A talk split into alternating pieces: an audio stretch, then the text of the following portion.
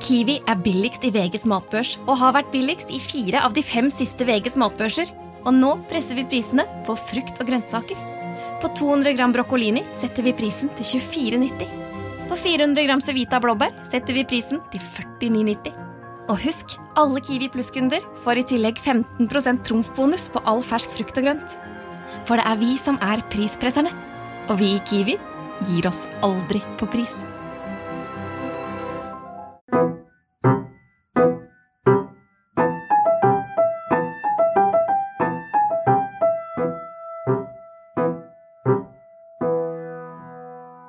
Og velkommen til podkasten Frilanslivet, en podkast av min kollega Kristina Skreiberg og meg, Hanna von Bergen. Vårt mål med denne podkasten er å være en faglig og inspirerende kanal for alle dere som jobber for dere selv i medie-, kunst- og kulturbransjen.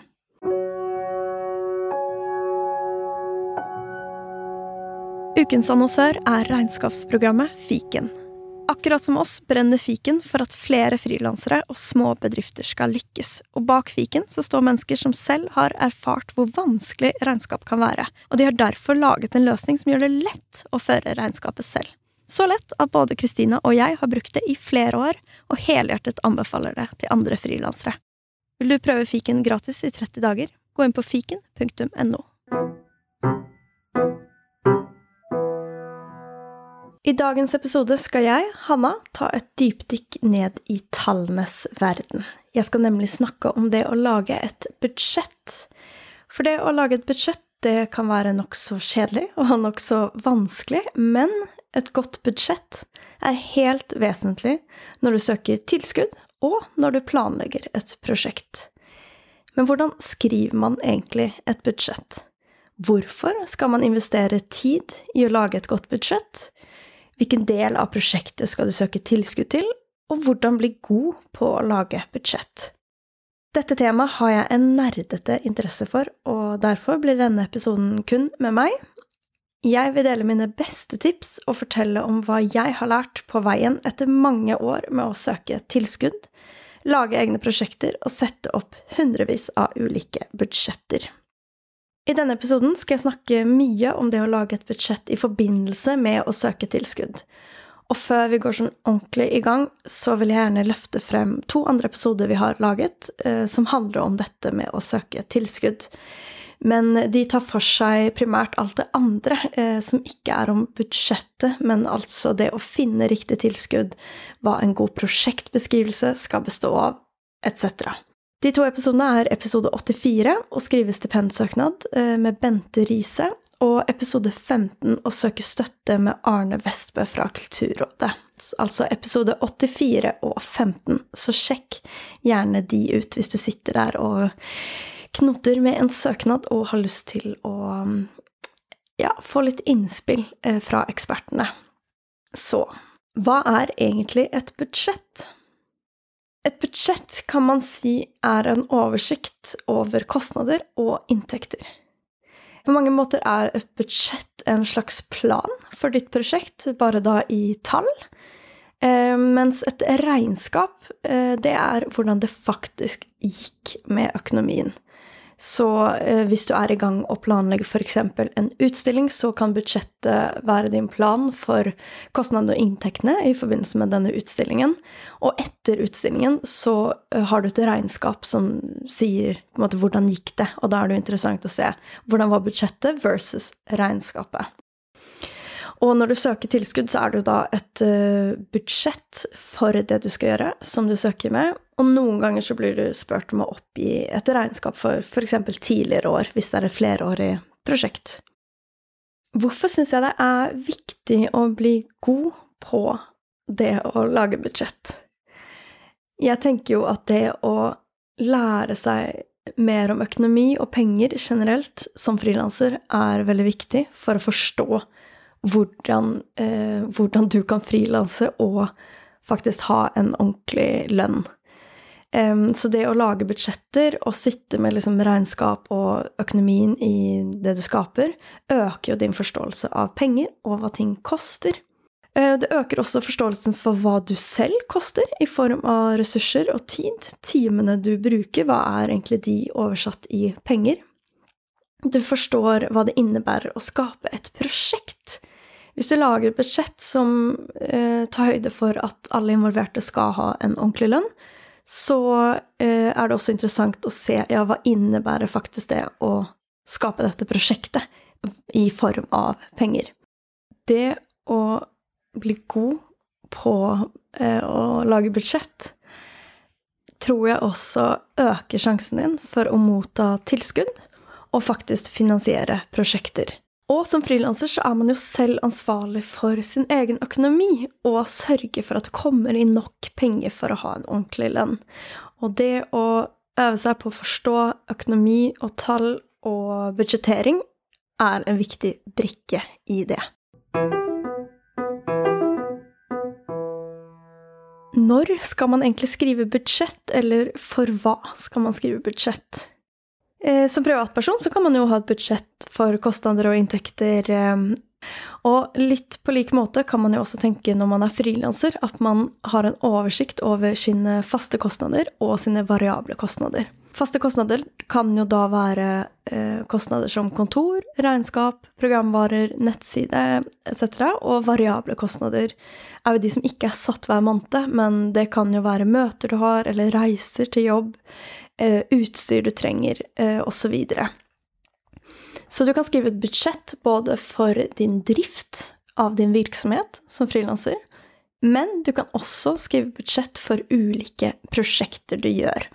Og det er vel det som vi mest skal snakke om i dag i forhold til eh, det å søke tilskudd. Og hvis du gjør, skal lage en festival eller en forestilling eller en, uh, skrive en bok, eller hva enn prosjektet ditt er, så kan du sette opp et budsjett for hele det prosjektet. Men du kan også lage uh, budsjettet for ulike deler av prosjektet. Så hvis man f.eks. har en festival, så kan det jo være et budsjett for uh, et spesialevent som skal skje under festivalen. Eller hvis du gir ut en bok, så kanskje Eh, du har et budsjett for hele prosjektet, men at du også ser hva koster markedsføringen i det.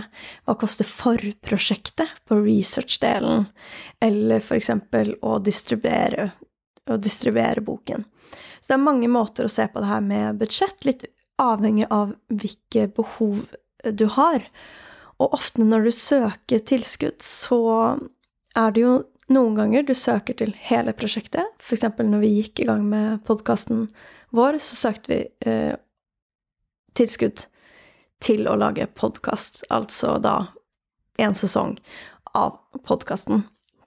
Men jo lenger vi har holdt på, jo større egentlig budsjettet er blitt, og jo større prosjektet vokser seg, jo vanligere er det å kanskje søke om en viss del av prosjektet for ulike tilskudd.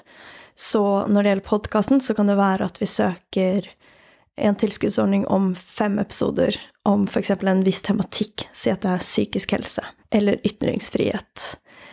Og det kan være at vi søker um, om uh, formidlingstiltak eller markedsføring eller næringstiltak, altså løfte virksomheten. Så det er veldig mange ulike tilskuddsordninger som støtter ulike deler av ditt prosjekt. Og da blir jo budsjettene også ulike. Da er det jo ikke sånn at du leverer hele budsjettet for hele prosjektet.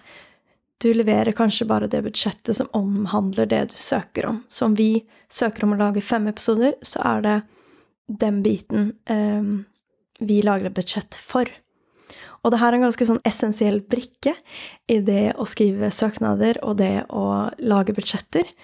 Um, fordi du må finne ut av hvordan skal du avgrense prosjektet ditt i forhold til det du søker støtte til. Og her kommer spørsmålet hva skal du tenke på når du skriver et budsjett for en søknad til et tilskudd? Og det første tipset er å researche tilskuddsordningen. Og det er flere deler av denne researchen som er viktig. Ehm, det første er jo om du kan søke dette tilskuddet. Og det her snakker vi altså mer om i episode 15 og 84. Men eh, det er jo ulike tilskuddsordninger som eh, du kan søke på. Noen faller du utenfor, eller prosjektet ditt faller utenfor. Da anbefaler jeg veldig ofte å ta en telefon til tilskuddsordningen. Når det gjelder budsjettdelen, så er det jo viktig å vite litt hva er en vanlig størrelse som tilskuddet gir. du må også tenke på at selv om du kanskje trenger en halv million til ditt prosjekt, så er det ikke sikkert at du kan søke den halve millionen fra én tilskuddsordning. For det kan hende at uh, her, uh, denne støtteordningen pleier å gi 40 000 ca., eller mellom 40 000 og 50 000 til ulike prosjekt. Eller kanskje at det varierer alt fra 100 000 til 500 000. Det er utrolig uh, stor forskjell på ulike tilskuddsordninger. Så det å researche og se tidligere tildelingslister og ta en telefon, det er superviktig. Og når du har researcha hva er viktig for denne tilskuddsordningen, er det f.eks. å eh, som Fritt Ord, eh, som jobber for å skape et demokratisk samfunn hvor ytringsfrihet står veldig i fokus, og har ditt prosjekt, passer det inn i tilskuddsordningen, så kan du jo se hvilken del av ditt prosjekt passer inn i denne tilskuddsordningen. Og som jeg nevnte, så kan det hende at du trenger mye mer i inntekt fra tilskuddsordninger enn du kan søke hos en spesifikk ordning, og da er det jo eh, fint å søke flere til samme prosjekt.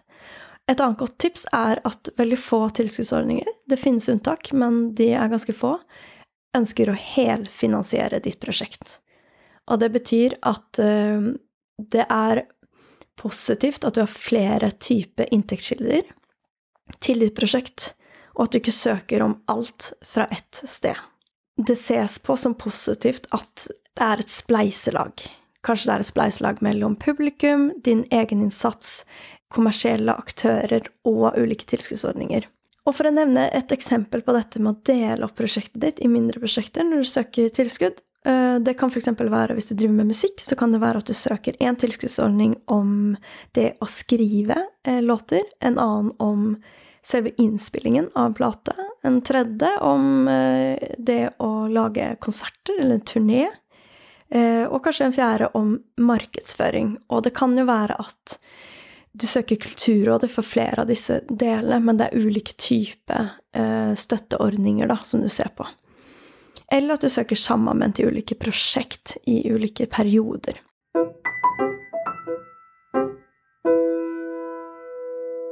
Så har vi kommet til selve budsjettet, som består av kostnader og inntekter. Og når du søker tilskudd, så skal alltid summen av dine kostnader og dine inntekter bli null. Og jeg stussa litt over det her i starten, for jeg skjønte ikke helt hvorfor skal et budsjett alltid gå i null.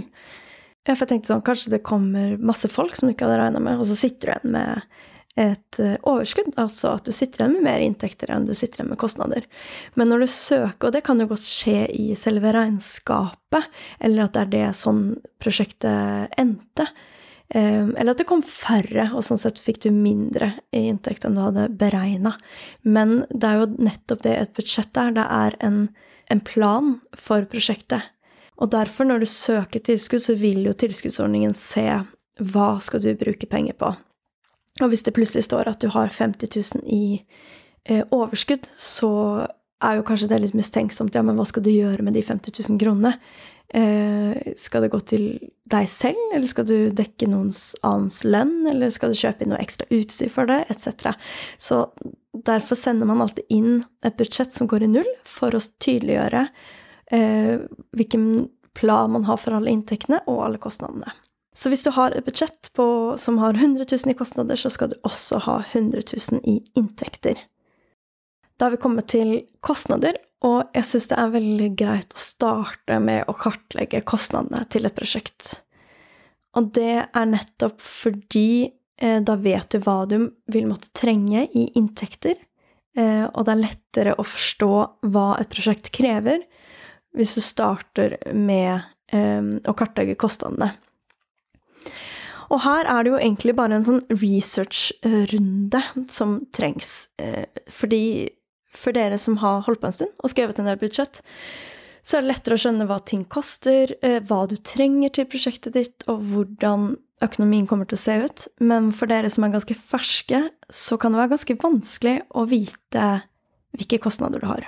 Og det kan kreve ganske mye research. Jeg har noen kategorier som jeg tenkte jeg skulle nevne. Det kan være at ditt prosjekt har andre typer kostnader, eller flere typer kostnader, eller færre. Men her er noen eh, eksempler for å eh, som det er viktig å huske på og tenke over om du har som kostnader. Og den første vil jeg regne med at alle har, og det er honorarkostnad.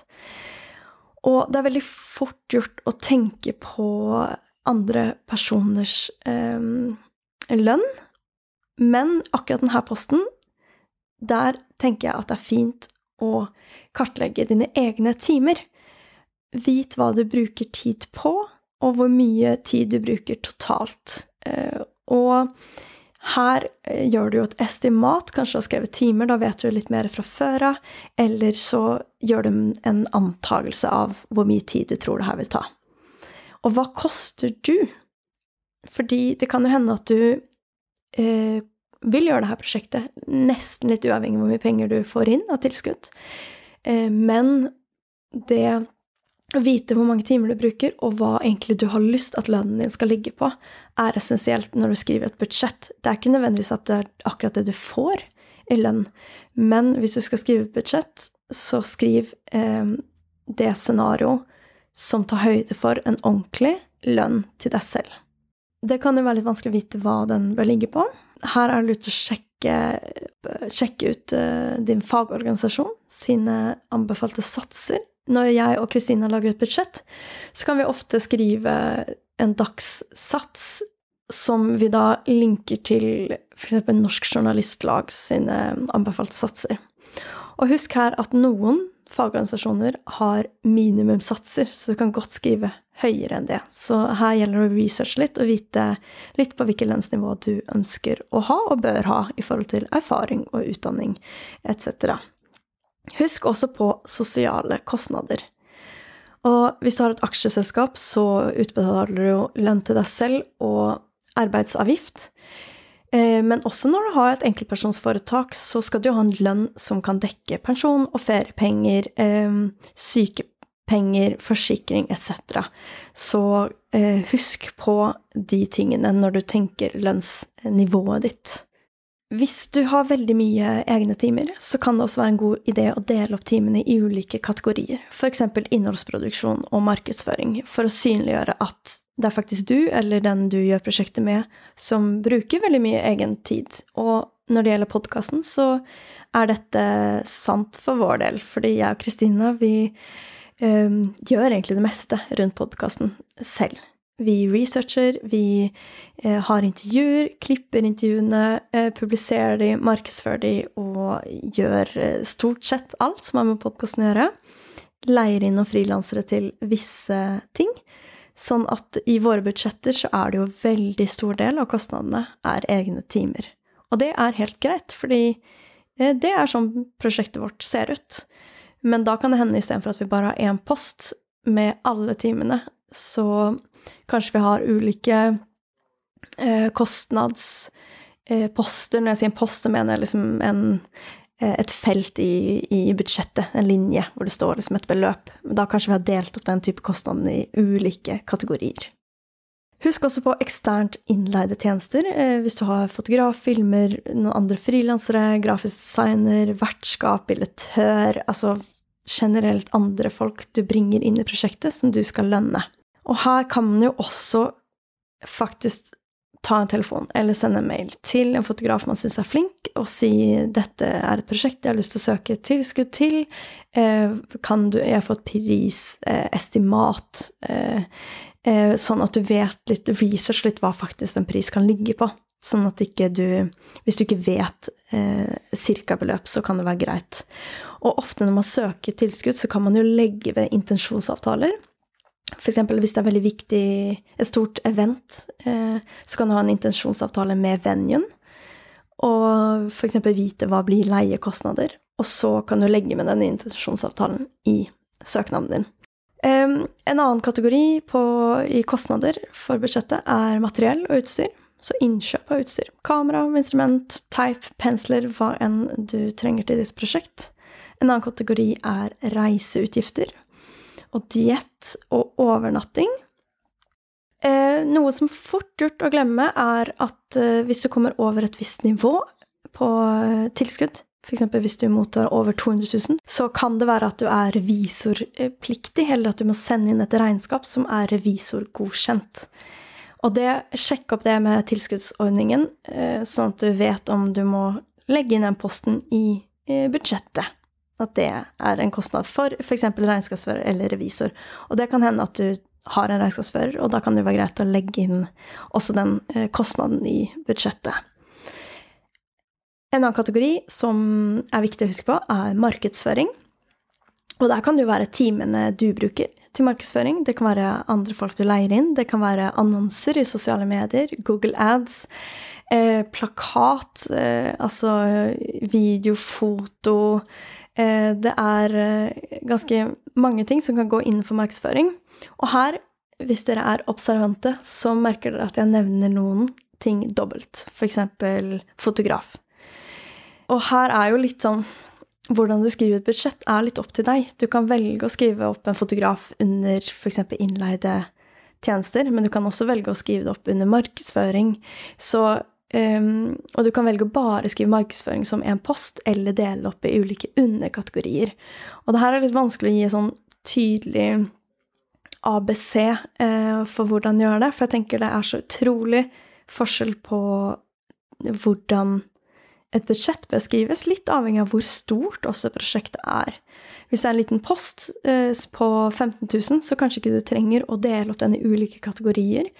Eh, men hvis det står markedsføring 300 000, og så står det ikke noe mer, så kan man jo lure på ok, men hva skal du bruke de her 300 000 på? Eh, og hva, hva inngår i markedsføring? Så tenk deg at noen skal lese det her, som ikke kjenner ditt prosjekt ut og inn, og ikke nødvendigvis vet hva de ulike beløpene skal gå til, så prøv å gjøre det så tydelig som mulig. Hvis du har et veldig stort prosjekt og et ganske omfattende budsjett, så kan eh, en idé være å sende inn både et forenklet og et detaljert budsjett. Så det skal jo være samme sum, si at det er en, en prosjektet er på ja, et par millioner, så skal jo summene være det samme, men da kanskje du ikke har delt opp i like mange kategorier, så det forenkla budsjettet kanskje har hovedkategoriene, og ikke like mye forklaringer eh, som det detaljerte budsjettet. En annen kategori kan jo være leie av venue, det kan være programvare, f.eks. nettside, Google, domene, programmer for å poste i sosiale medier, Photoshop eh, osv. Og her kan det jo være at du har det som en fast kostnad, men da kanskje du trenger det til også det her prosjektet, eller at en del av den faste kostnaden kan bli dekka av tilskuddsordningen. F.eks. hvis prosjektet varer et halvt år, så kan det kanskje være et halvt år med de her programmene som dekkes. En annen viktig kategori jeg har med, er uforutsett. Det kan være lurt å sette av ca. 10 eh, av budsjettets totale beløp til uforutsette utgifter. Og særlig om budsjettet overstiger 100 000 kroner, ehm, så eh, kan det være en grei sånn tommelfingerregel på 10% Og et viktig tips når det gjelder kostnader i budsjettet, er å synliggjøre tjenester. Og det her kan man fort glemme, fordi man tenker at det ikke er en kostnad. Akkurat som man glemmer noen ganger at dine egne timer er en kostnad. Fordi det er ikke sikkert at du tar ut lønn for dine egne timer, eller for alle timene. Men det skal fortsatt synliggjøres i budsjettet på kostnadssiden. Og jeg kommer også til eh, hvordan det skal synliggjøres på inntektssiden. Når det gjelder tjenester, så kan det være et eksempel med vår podkast. Vi har en samarbeidsavtale med et studio hvor vi får spille inn episodene. Og um, da kan jo kostnaden for det her Da kan det være litt vanskelig å vite om hva, hva skal da beløpet være, fordi samarbeidsavtalen er ikke fastsatt med et beløp. Men da kan det f.eks. være hvis vi ikke hadde hatt det her samarbeidet, så måtte vi kanskje leid oss inn på et studio. Hva hadde det kosta? Og så kan man sette den kostnaden både som et punkt på kostnader i budsjettet, men også som et punkt på inntekter. Fordi da har du synliggjort at dette samarbeidet er et samarbeid. Du får det både inn på inntektssiden, men også ut på kostnadssiden. Så det blir jo litt sånn at det nuller seg ut. Men det viser litt også hva eh, prosjektet består av, og det synliggjør de ulike samarbeidene du har. Så er det en ting som jeg syns er viktig å ta på, som veldig fort kan glemmes, kanskje spesielt i kulturbransjen, det er dette med moms. De fleste tilskudd er ikke momspliktige. Altså at tilskuddet du mottar, er ikke med moms. Um, fordi kulturbransjen, det kjenner jo dere sikkert til, at de, veldig mye av kultursektoren er liksom ikke momspliktige aktiviteter. Som f.eks. å spille en konsert, som å lage et kunstverk, og mye, mye mer. Men en del av oss, vi har kanskje bare momspliktige aktiviteter som vi driver med, og en del av oss har uh, både og.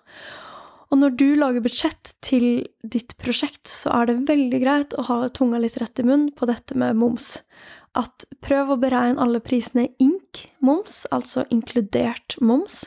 Så hvis du får en pris oppgitt fra et firma, så er det ganske vanlig at de gir prisene X moms, altså ekskludert moms. Så hvis de sier at det koster 10 000 X moms, så vil det egentlig koste 12 500 kroner. Men 2500 kroner av de, altså 25% er momsen. Um, men hvis du ikke har momsen på inntektssida, så vil det bli en skjevhet her hvis du ikke tar med de på kostnadssiden. Sånn at hvis du har 100 000 i inntekter og sier at alt er fra tilskudd, det er ikke noe moms, og du har 100 000 i kostnader, men du har ikke tatt med momsen, så vil du i realiteten ha 125 eh, 000 kroner i kostnader, bare at 25 000 er moms. Så det er litt viktig å huske på når du skriver kostnadene. Ganske mange punkter i budsjettet kan være uten moms, og så har du kanskje kostnader som er med moms, så skriv eh, prisen inkludert moms. Det er et lurt tips.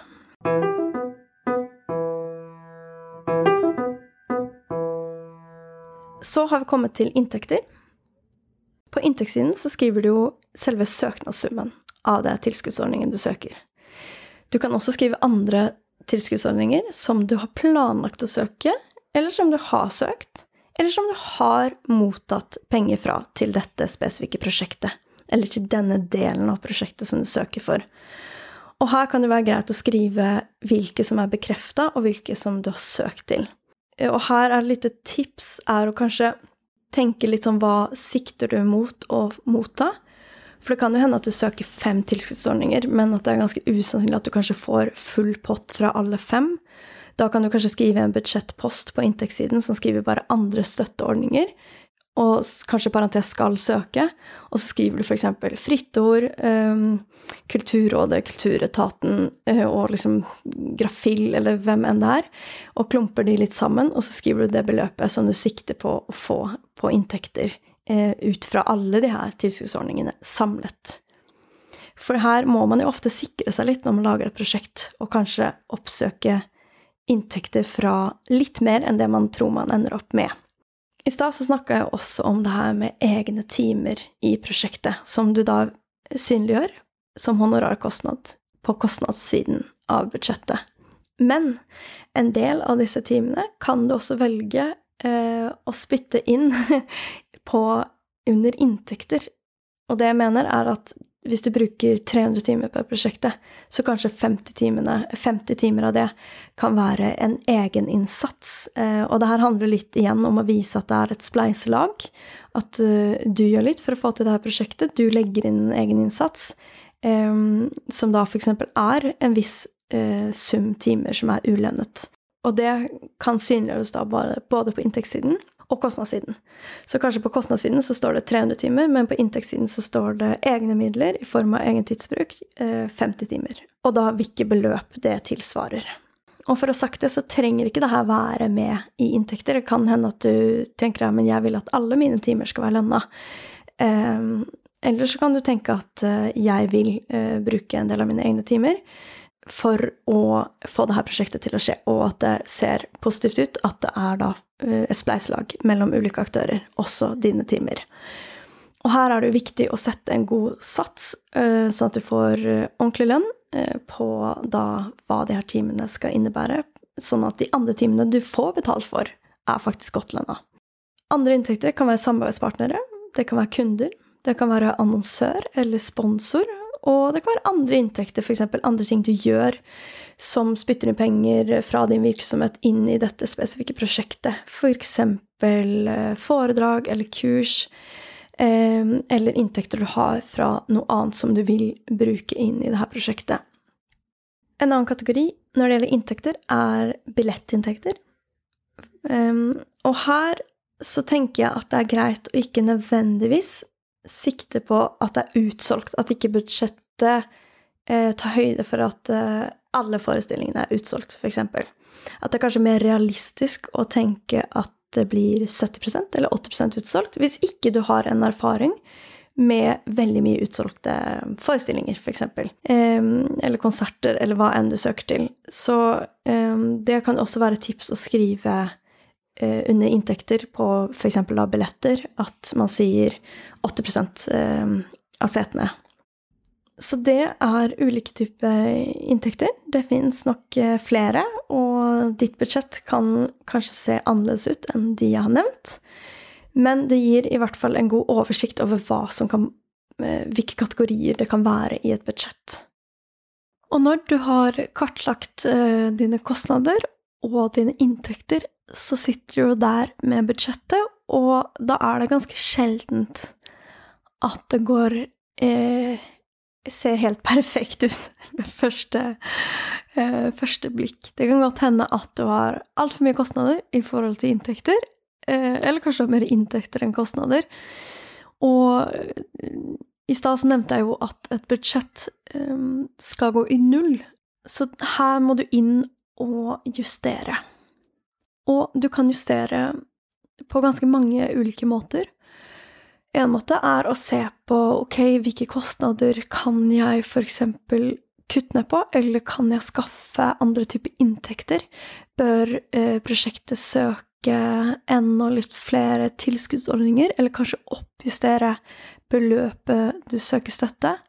Skal eh, du legge inn mer egeninnsats i form av enten penger eller tid? Kanskje du kan ta på deg noen andre um, oppdrag og få inn inntekter via um, andre aktiviteter du gjør i virksomheten. Kanskje du kan skaffe en samarbeidspartner som kan uh, være med å delfinansiere visse typer kostnader. Eller en tjeneste som du så kan putte inn både på inntekts- og kostnadssiden. Så det fins utrolig mange måter å justere et budsjett på. Og jeg har jo hele tida snakka om det her at en budsjett er en plan. Det er din plan for prosjektet ditt, um, bare i tall.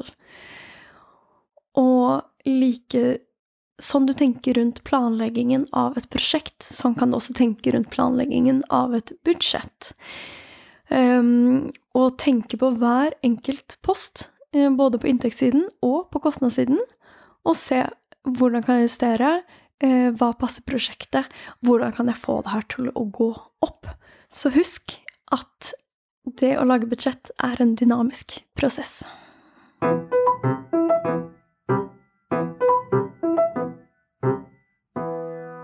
Alt dette kan jo være litt overveldende hvis du ikke har jobba så mye med budsjett. Derfor har jeg laga en budsjettmal eh, til dere og der har jeg også fylt inn eh, ulike kategorier, men jeg har også fylt inn et eksempel på et budsjett. Eh, I tillegg så har jeg lagt inn en del eh, bra ressurser, hvor du kan lære mer. Eh, I tillegg så har vi lagd en mal som er en årskalender for tilskuddsordninger, hvor det både er tips om veldig mange tilskuddsordninger, men også hvor du kan fylle inn dine egne som passer til ditt prosjekt. Og vi har laget en prosjektbeskrivelse, mal, som du kan laste ned i ulike format, eh, og rett og slett bare fylle inn, hvor vi til og med har skrevet ned en del spørsmål som du trenger å besvare i denne prosjektbeskrivelsen. Og hver av disse malene koster en hundrelapp, eller få alle tre for 200 kroner. Og du finner dem ved å gå inn på frilanslivet.no slash ressurser. Og disse malene de har vi selv veldig mye glede av, sånn at man ikke liksom må starte helt på nytt hver gang, men man har et rammeverk som man kan jobbe innenfor, og selvfølgelig da tilpasset til sitt eget prosjekt. Mm. Og det er noe vi har utvikla over lang tid, og brukt mye ressurser på å skape, som vi bruker aktivt. Så vil jeg bare nevne noen gode tips som jeg har lært meg, som jeg syns er viktig å huske på når du lager budsjett. Og et veldig vanlig spørsmål er hvilke scenario skal du gå for? Og med scenario så mener jeg at uh, du kanskje sitter og tenker at ja, men dette prosjektet er skikkelig viktig for samfunnet, det er skikkelig viktig for meg, jeg har kjempelyst til å få det til, og jeg er nesten litt sånn beredt for å få det til med veldig lite penger, eh, hvis jeg ikke klarer å få eh, mye penger. Og da er det jo kanskje fristende å søke om ganske lite også, og kanskje ah, men jeg klarer meg jo med 1000 kroner dagen eller 2000 kroner dagen, og jeg trenger kanskje ikke å skrive så stort budsjett. Jeg vil argumentere for at du alltid burde gå for scenario A, som er ordentlig lønn til både deg selv og de du har involvert, og ha med kostnader som gjør at prosjektet blir på den måten du vil skape det. Og da kan du heller kanskje søke litt mindre beløp fra flere tilskuddsordninger enn å søke med et mindre budsjett. Og dette handler jo også om at tilskuddsordninger vil jo eh, gi ordentlig lønn, og vil jo at prosjektet skal skje, men eh, på en god måte også. Så det at du eh, sier at ja, men jeg kan gjøre det her prosjektet, men jeg skal gjøre det helt gratis, det er ikke nødvendigvis eh, positivt og selv om du har gjort et budsjett som er eh, mye større enn kanskje det du fikk tilskudd til, så kan jo alltid budsjettet gjøres om og nedjusteres. Akkurat som en plan for et prosjekt kan oppjusteres eller nedjusteres. Og det å lage budsjett er faktisk litt sånn triksing og miksing, og det høres kanskje litt rart ut når det gjelder det å skrive budsjett, for man tenker at det er veldig sånn svart-hvitt. Det er jo kostnader og inntekter. Men et budsjett er jo bare en plan. Og det kan jo hende at det scenarioet eh, som du ønsker å gå for, som er det her store budsjettet for ditt prosjekt, det kan hende at du ikke mottok så mye tilskudd som du hadde håpa på. Og da kan jo prosjektet nedjusteres. Hvis du f.eks. søker om å lage en foredragsserie på ti foredrag, ti frokostarrangementer med foredrag, og så kanskje budsjettet er på Si at det er på 400 000, og så mottok du bare tilskudd og andre typer inntekter, um, si 200 000, så du mottok bare halvparten av det uh, det opprinnelige budsjettet var på. Da er det helt innafor å nedjustere prosjektet i, ved f.eks. å lage fem foredragsarrangementer istedenfor ti. Altså at du faktisk skaper halvparten av størrelsen eh, til prosjektet, det opprinnelige prosjektet.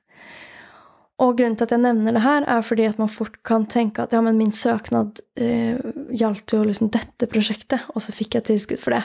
Men det kan godt hende at du ikke fikk full pott fra, eh, fra den tilskuddsordningen. Eh, eller fra flere tilskuddsordninger, og da har du ikke mulighet til å gjøre det prosjektet eh, som du planla å gjøre. Så du må nedjustere prosjektet, og det er helt greit også. Og det gjør vi flere ganger med podkasten. Hvis vi f.eks. søker om å lage ti episoder eh, og søker en tilskuddsordning, og så mottar vi si halvparten av beløpet, da lager vi fem episoder om eh, den tematikken. Og det er fordi at eh, vi kan nedjustere prosjektets størrelse, men jeg tenker at det er en dårlig idé å nedjustere um, å ha det samme resultatet, men nedjustere f.eks. lønninger da, til halvparten av nivået. Eh, og da er det bedre å nedjustere prosjektet enn å gjøre alt eh, for halvparten av pengene. Og det her blir jo en litt vurdering på hva du kan eh, nedjustere, og hvordan du kan endre, eller om du skal utsette prosjektet og søke mer tilskudd om du skal kutte ut noen deler av prosjektet, eller rett og slett om du skal hive inn mer egentimer for å få det til på den måten du ønsker. Så eh, det fins flere løsninger, men vit at det er helt greit, og at planer endrer seg, budsjettet endrer seg, prosjektet endrer seg.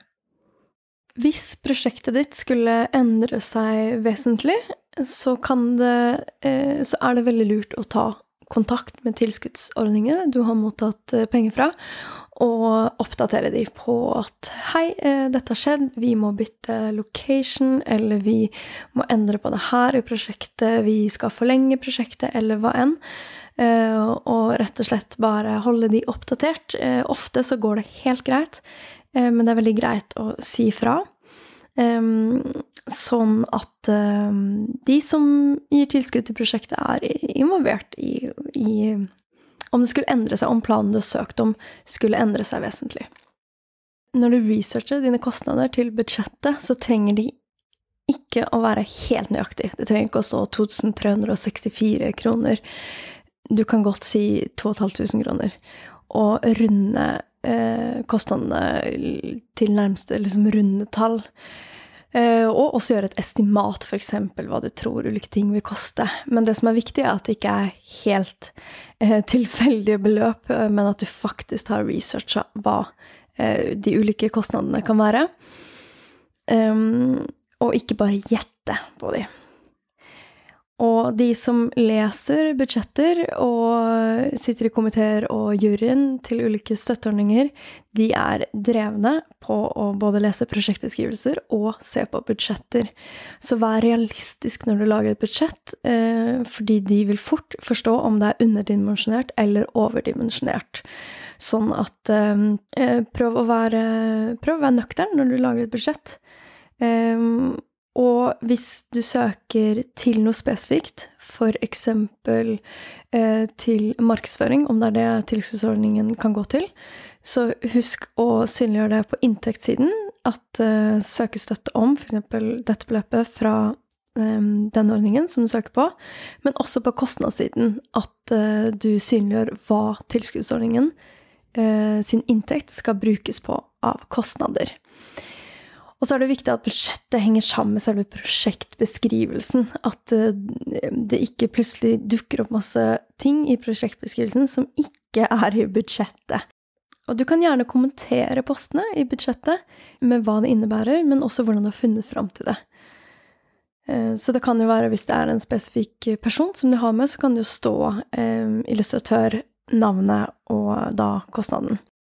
Det som også kan være lurt tips, er å synliggjøre resten av prosjektet, som f.eks. når vi søker tilskudd til fem episoder, så kan vi skrive at um, denne tilskuddsordningen, hvis vi mottar tilskudd, uh, delfinansierer fem episoder av totalt 35 episoder som en sesong består av.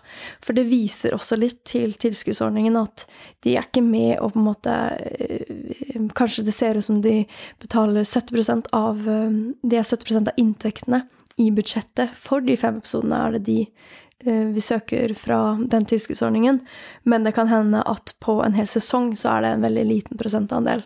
Så det kan være veldig fint å synliggjøre, eh, både i prosjektbeskrivelsen, men også eh, som en kommentar til budsjettet.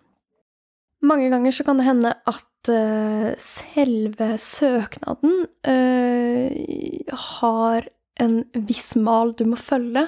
Dette kan være ganske vanlig hvis du um, søker en tilskuddsordning, og så må man inn i en portal og uh, putte inn tekst. Du kan ikke bare sende med en PDF, f.eks. Du kan legge med vedlegg, men du må også skrive inn prosjektbeskrivelsen i en mal uh, i selve søknadsportalen. Um, på mange tilskuddsordninger så har de også tilsvarende opplegg for budsjettet. Så jeg anbefaler deg virkelig å researche tilskuddsordningen. Gjerne lag en bruker i denne portalen, og gå inn og se på spørsmålene, både for prosjektbeskrivelsen, men også for budsjettet. For det kan hende at eh, det budsjettet eh, ser helt annerledes ut. Et eksempel her er at eh, vi med podkasten har mottatt tilskudd fra, Kulturrådet sin ordning for eh, tidsskrift og kritikk den budsjettmalen som finnes i eh, Kulturrådet sin da søkerportal, eh, den ser ganske annerledes ut enn vårt budsjett, fordi vi ikke er et tidsskrift, men en podkast. Eh, så vi har litt annerledes type kostnader, selv om vi faktisk går innenfor eh, muligheten til å søke denne ordningen. Så det kan være liksom greit å tenke på at eh, det er ikke så farlig at det ikke nødvendigvis passer, men da kanskje du skal legge med et ekstra budsjett som vedlegg, og så gjør du så godt du kan i å fylle ut de postene som er på nettet. Ta gjerne en telefon også til tilskuddsordningen hvis det er noe du er veldig usikker på.